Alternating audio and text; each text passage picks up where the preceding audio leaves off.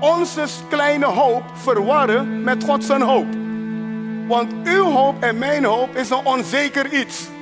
De hoop van God is een totaal krachtig zeker iets.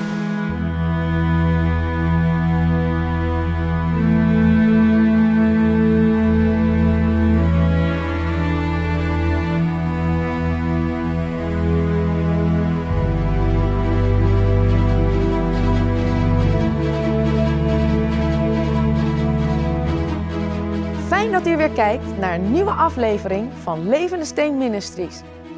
In de komende drie uitzendingen gaan we dieper in op het onderwerp de God van hoop.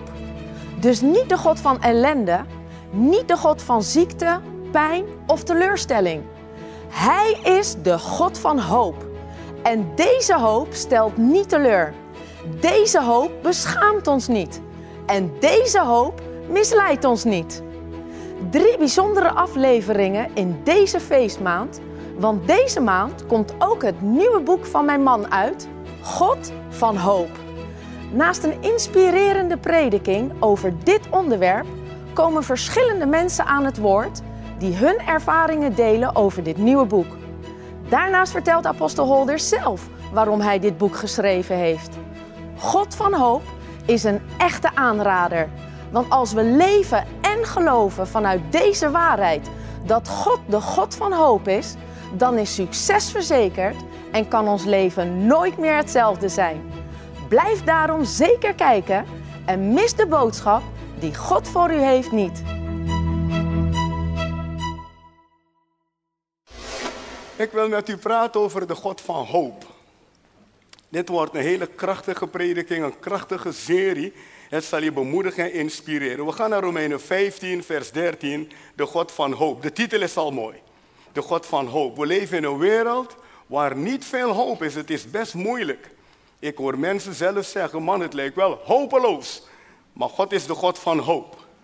En in Romeinen 15, vers 13 krijgen we deze waarheid. Dit onderwerp is zo boeiend en zo krachtig. Ik heb een boek erover geschreven. Dus u kan, als u het helemaal volledig wil hebben, dan is mijn advies om dat boek te lezen, zal u helpen. Want ik kan nooit via prediking alleen dit zo even uitwerken. Maar de God van hoop.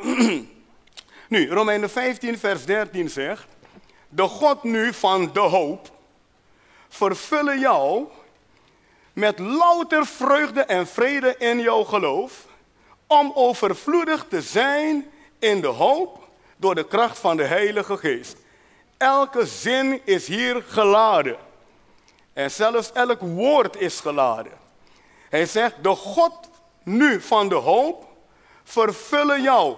En daar moet je al een aantekening maken. Met andere woorden, laat het zo zijn.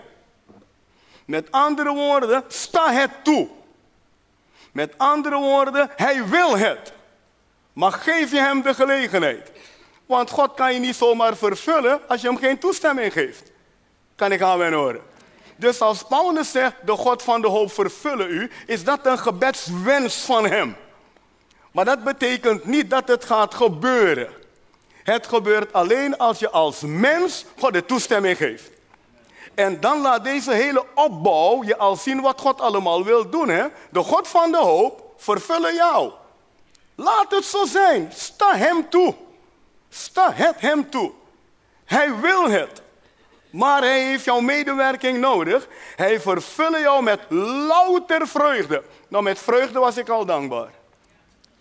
Maar hier staat louter vreugde. Dus hij praat hier over een hemels verhaal. Dit is een vreugde van God en vrede in je geloof. Om overvloedig te zijn in de hoop door de kracht van de Heilige Geest. Ik moet dit voor u uitleggen, ik moet dit goed uitleggen, anders mist u het. En ik moet toegeven, als jong christen las ik over deze dingen heen. Je leest het en je pakt het niet helemaal. En vandaag wil ik het eigenlijk voor u, to break it down, zeg je in Engels. Hè? Hapklare brokjes, dat je het kan verwerken. De Amplified Bible zegt, de God van jouw hoop dat klinkt net een beetje anders, hè? De God van de hoop, dat is mooi, want God is de God van de hoop. Maar eigenlijk inhoudelijk komt het hierop neer, de God van jouw hoop. Want God kan hoop hebben, maar heb jij ook hoop? Is dit duidelijk? De God van jouw hoop. Schrijf het alsjeblieft op, het zal je helpen. De God van jouw hoop. Een andere vertaling zegt, de God die onze hoop inspireert. Ik neem tijd om dit uit te leggen, want dit is een belangrijk onderwerp. Als je dit onderwerp mist, heb je problemen in je christen zijn. Geloof mij. Want je kan geen geloof in God hebben zonder hoop in God te hebben. En dat ga ik zo meteen uitleggen. Dus de God van de hoop, een andere vertaling zegt, de God van jouw hoop. En weer een andere vertaling zegt, de God die onze hoop inspireert. Een andere vertaling zegt, de God die de bron van hoop is. Wauw, dit, dit, dit, dit, dit maakt al dat u begrijpt wat er aan de hand is. De God die de bron van hoop is. En ik heb nog een vertaling voor u. De God die de gever van hoop is. Oh, halleluja. De God van de hoop. De God die onze hoop inspireert. De God die de bron is van hoop. De God die de gever is van hoop. En uh, hij zal maken. En, en, en ik heb de mooiste vertaling is dit. De God die maakt dat je hele leven en kijk op het leven hoop zal uitstralen. Die vind ik een goeie zeg. Toen ik die las, dacht ik, dit is het. Nu pak ik het.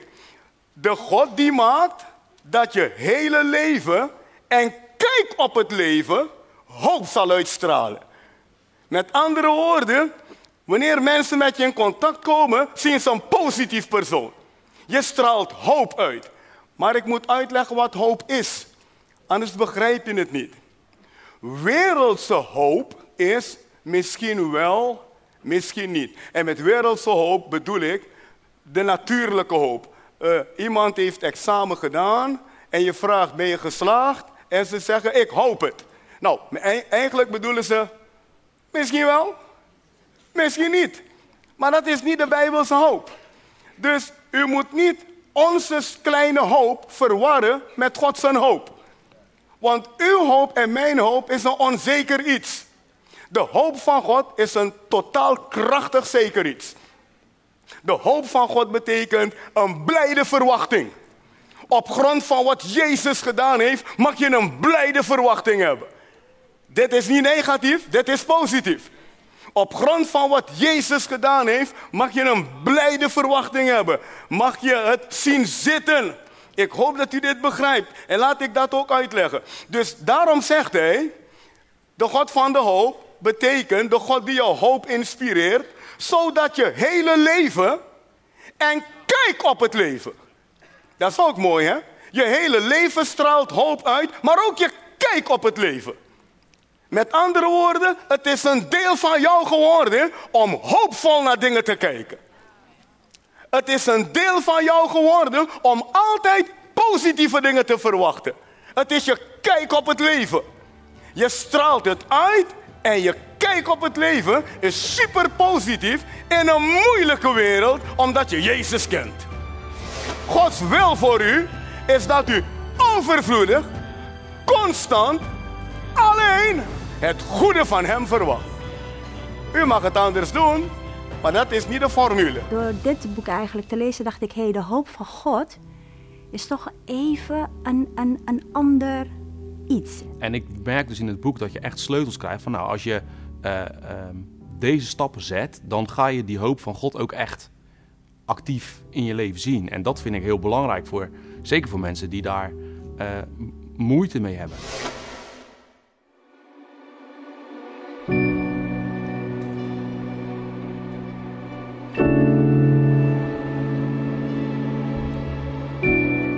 Het boek laat zien vanuit, vanuit de Bijbel, vanuit uh, teksten die aangehaald worden, dat er een overwinnend leven mogelijk is. De schrijver gaat in op uh, hoe eigenlijk God um, in zijn woord eigenlijk het woord hoop beschrijft.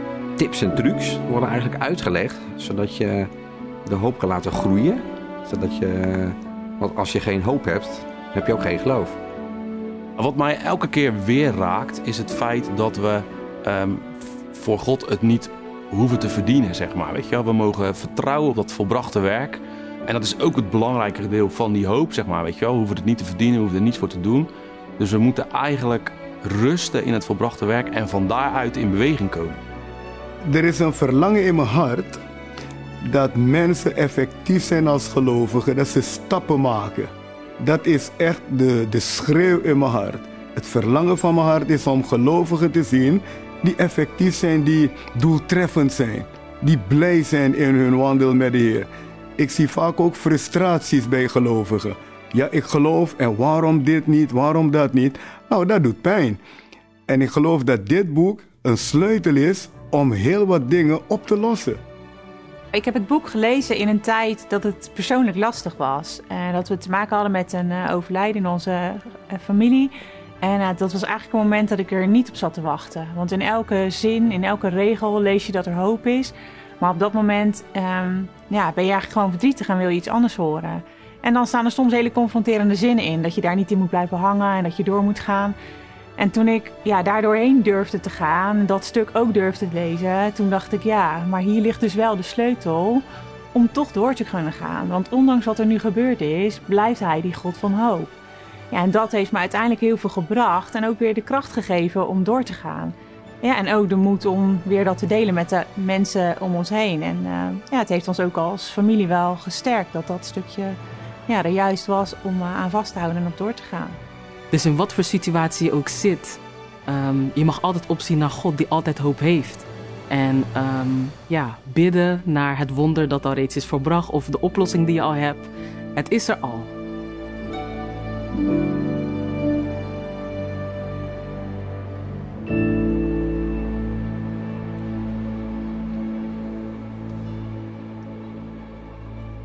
U moet niet onze kleine hoop verwarren met Gods hoop.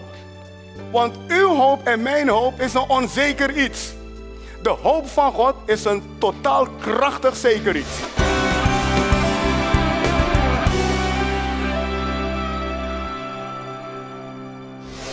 Betekent bijbelse hoop voor de mensen die dingen opschrijven? Bijbelse hoop betekent verwachting van het goede. Mooi hè? Daarom zegt Jezus, geloof, hoop en liefde blijven er. Dat is een diepe tekst hoor, in de Korinthebrief. Zo blijven dan geloof, hoop en liefde. Dat wil zeggen, ook in de eeuwigheid blijf je een mooie verwachting houden van al de goede dingen die God voor je heeft. Kunnen we hem glorie geven mensen? Halleluja! Prachtig. Maar goed, bijbelse hoop betekent dus verwachting van het goede. Het goede, je verwacht altijd weer het goede. En dan, dan wordt die tekst al interessant, hè? De God van de hoop. De God van het goede. De God van de hoop, de God van het goede. Wil jou vervullen. Met louter vreugde en vrede. Dat gaan we allemaal behandelen hoor, wordt krachtig. In je geloof, om overvloedig te zijn in de hoop door de kracht van de Heilige Geest. We zien twee woorden hier die niet hetzelfde zijn. Hoop en geloof zijn twee verschillende dingen, maar ze hebben elkaar nodig. Hoop en geloof zijn totaal twee verschillende dingen. Ook bijbelse hoop en bijbels geloof zijn twee verschillende dingen, maar ze kunnen niet zonder elkaar. Want bijbelse hoop is een blijde verwachting. Maar bijbels geloof maakt die verwachting tot realiteit. Hoort u dit? Bijbelse hoop is een blijde verwachting. Altijd happy, looking forward to what the Lord is going to do. je ziet altijd uit naar de mooie dingen die God wil doen voor jou. Dat je uitkijkt. Maar Bijbels geloof zet dat om in realiteit. Want geloof is een zekerheid. Hoop is ook een zekerheid van ik mag het verwachten, maar het is toch een verwachting van oké, ik zie er naar uit. Terwijl geloof ziet er niet meer naar uit. Geloof legt zijn hand erop. Geloof zegt en dit is van mij. En dan praten we weer over erfenis. Hallo? Hallo? Geloof zegt, this is mine, dit is van mij. Dan praat je over erfenis. Uw geloof brengt uw erfenis heel dicht bij u. Dit zijn hele mooie dingen. Ik hoop dat u dit meeneemt, want het zal uw leven veranderen. Dus bijbelse hoop betekent verwachting van het goede. Uh, en dan, uh, het is eigenlijk de, de, de, de, de, de Strong's Concordance vertelt ons. Het is vreugdevol en vol vertrouwen verwachten. Man, wat een rijkdom. Wat komt er naar ons toe vandaag, zeg?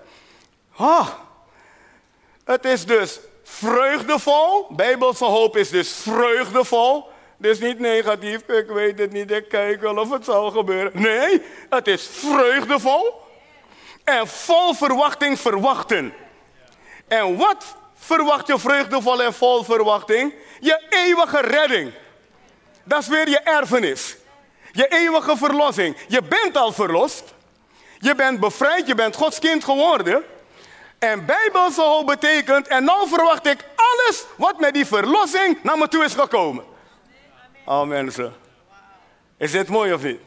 Het is dus vreugdevol, vol vertrouwen, verwachten. En nu, nu ga ik het zelf parafraseren. Alles wat Jezus voor je gedaan heeft. Je laat geen kruimel achter. Net als Mozes zeg je, geen hoefijzer blijft achter in Egypte. Mozes zei, alles gaat mee. Want dat is onze erfenis. Het hele volk gaat mee. Want Farao wilde dat Mozes uh, eerst uh, alleen maar uh, een bepaald deel zou meenemen. En dan mocht hij dit niet meenemen en zus niet meenemen. Dan mocht hij de dieren niet meenemen. Mozes zei, geen hoefijzer blijft achter. Ons erfenis is ons erfenis. We gaan met z'n allen of we gaan niet. Maar God heeft gezegd, we gaan. Dus we gaan. Dus bijbelse hoop is vreugdevol en vol vertrouwen alles verwachten. Oh mensen, dit is niet mijn uitleg. Dit is wat de Bijbel ons vertelt en wat Strong's Concordance ons vertelt. vertelt. Het is dus vreugdevol en vol vertrouwen alles verwachten waar Jezus zo duur voor betaald heeft. Dus dit laat jou als christen geen ruimte om negatief te zijn. Dit laat jou als christen geen ruimte om te zeggen, ja wel, God wil dit doen en dat niet. Dat is 1 Klaas 4 vers 9. Het staat niet in de Bijbel.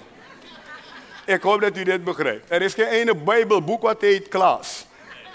Maar sommige christenen maken 1 Klaas 4 vers 9, weet je wel. Wel, God doet dat, maar soms doet hij dat niet. Nee, hier staat vreugdevol, vol vertrouwen alles verwachten wat hij voor je gedaan heeft. Kunnen we God glorie geven, mensen? Woe. Luister, dan, dan, dan krijg je een beeld van hoop. Dan wordt dit vers in één keer een krachtig vers. Hè? De God van de hoop vervullen jou met louter vreugde en vrede in je geloof. Om overvloedig te zijn in de hoop. Overvloedig in de hoop. Overvloedig in de hoop. Woe! Overvloedig in de hoop. Door de kracht van de Heilige Geest. Dus Gods, Gods wil voor u en voor mij is dat we overvloedig, constant, het goede van Hem verwachten. Oh, oh. Gods wil voor u is dat u overvloedig, constant, alleen het goede van Hem verwacht. U mag het anders doen. Maar dat is niet de formule. En ik heb u verteld, in de wiskunde heb je formules. Als je ze goed gebruikt, heb je goed resultaat. Gebruik je ze verkeerd, krijg je problemen. Dit is Gods formule. Maar ik weet dat heel wat mensen hun eigen formule maken. Dan gaan dingen niet werken. Je moet je vasthouden aan Gods formule. En Gods formule is, is een principe. Het verandert niet. Ik wil dat je overvloedig bent in je, in je verwachting naar mij toe vol vertrouwen over alles wat Jezus voor je gedaan heeft. En daarbij ga ik je helpen door de kracht van de Heilige Geest. En, en als je het goed doet, word je vreugdevol en zal je vrede hebben. Kunnen we God glorie geven, mensen? Wauw. ik, ik, ik, ik hou hiervan. Wilt u deze uitzending of andere terugkijken? Dat kan. Ga daarvoor naar onze website www.levendesteenministries.nl Om echt hoopvol te zijn en een krachtig geloof te hebben en vol vreugde te zijn en vol vrede te zijn, heb je ontegenzeggelijk de Heilige Geest nodig.